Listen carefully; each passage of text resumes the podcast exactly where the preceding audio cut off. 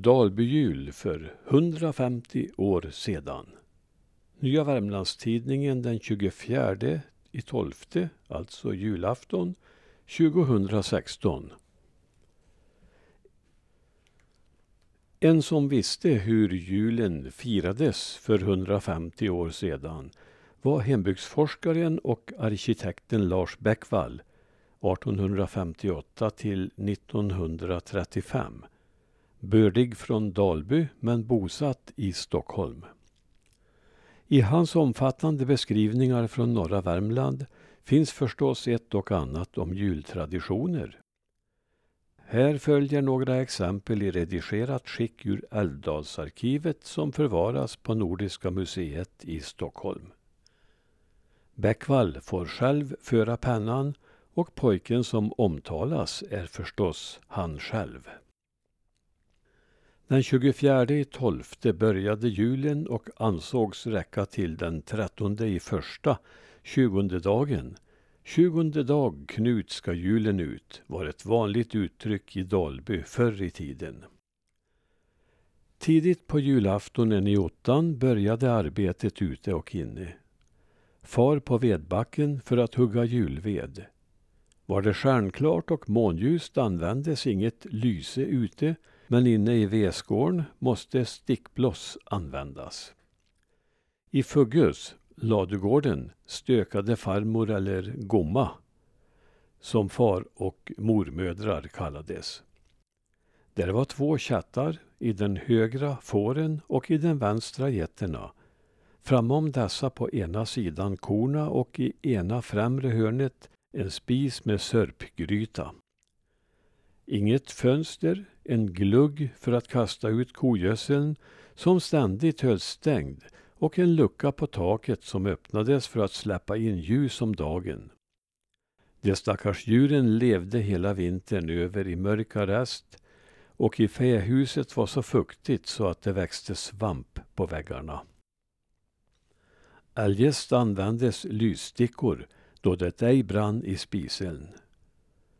Utanför i skålen, eller skjulet, mellan logen och ladugården hackades grabar, granbar, till strö i chatten och inne i stugan på barstabben med en fotslång tvåtumsbred kniv. Till julen fick alla djuren bättre foder så att även de skulle erfara julfröjden. Grisen bodde då han var mindre i stugan sedan i ett eget litet hus. På Dyngistan, på Gödselhögen, sattes upp ett julkors där det var utskurna tunna spån på korsarmarna som böjdes ihop i snirklar, som järnkorsen på kyrkogården. Och på en stång sattes en sädeskärve åt fåglarna så att även de skulle veta att det var jul. Alla undfägnades under julen, det hette Låt ingen bära ut julen. Fattiga fick alltid, då de gick till de rika eller bättre lottade, julmat. Ingen lägger sig svang på julkvällen, det vill säga hungrig. Det var som om allt det goda som finns hos människan samlade sig och kom till uttryck. Några dagar förut hade bakats tjockt och tunt bröd.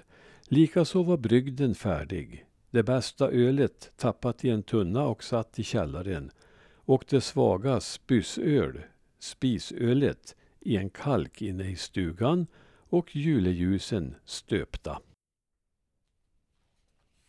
Muren vitlimmades vanligtvis på sommaren men även till jularna.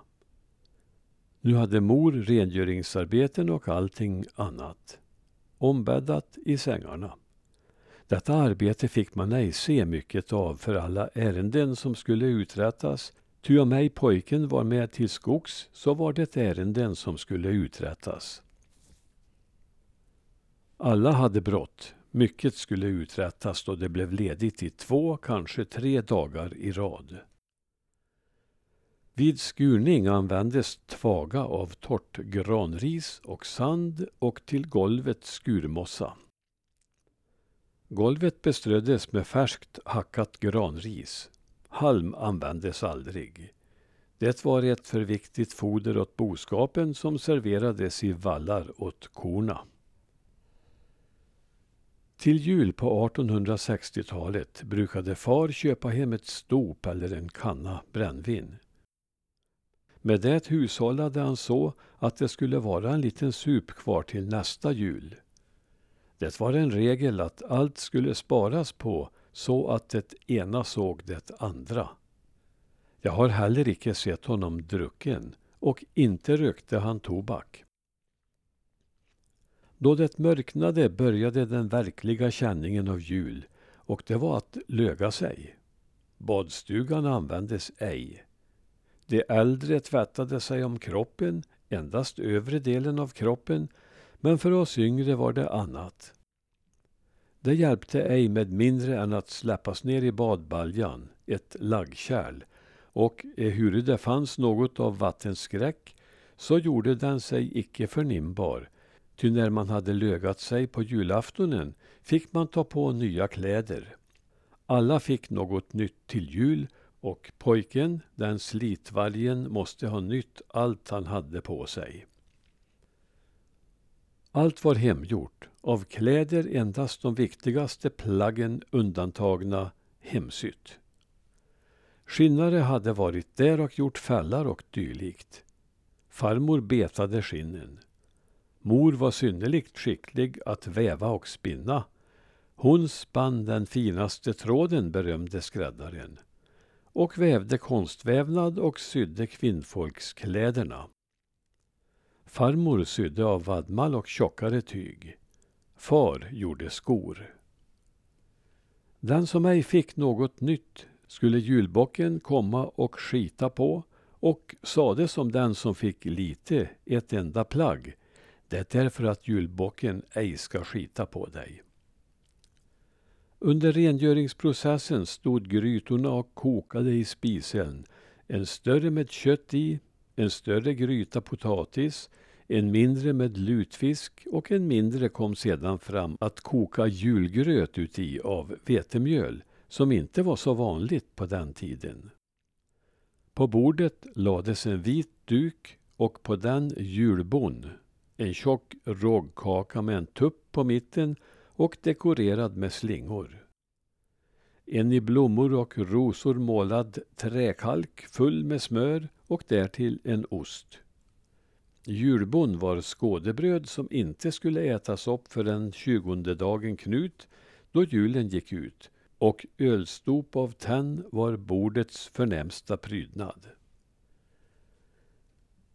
När badet var överstökat och de nya kläderna påtagna talades om att det var minnet av frälsarens födelse som skulle firas. Ett träsnitt i någon bok, minns ej vilken, betraktades där barnet som föddes låg i krubban, där mor och far stod bredvid. En julbön lästes och sjöngs en julsalm. Mamma som hade en liten vacker röst ledde sången. Maten sattes på bordet i träfat. Tallrikar, bordkniv och gafflar fanns ej. Täljkniv eller matkniv eller fällkniv begagnades. Sovlet lades på brödstycken och skedmat åts av gemensamt fat. Före och efter skulle läsas bordsbönen. Här är att anmärka, som Skröder också omtalat, att Dalbybon förtärde aldrig sin mat, gudsgåvan som den kallades, med betäckt huvud. Man gick tidigt till sängs, ty så många som kunde skulle till kyrkan i julottan. Och att få följa med dit var det bästa man visste den tiden och man mådde skönt i de nya kläderna man fått. Vad som sades i kyrkan skulle man komma ihåg och berätta när man kom hem, vad prästen predikade om och hade för ingångsord. Om han var sträng, vilka som var där, vilken som hade den bästa travaren och hur de körde. Det var liv och rörelse, klockor, dombjällror, dombjällskransar ringlade från alla håll. De gående måste ständigt stiga ur vägen. Hemma stod köttgrytan på spisen och så smakade gott med kött och potatis, rovor, rötter och morötter. Alla kokta och bröd.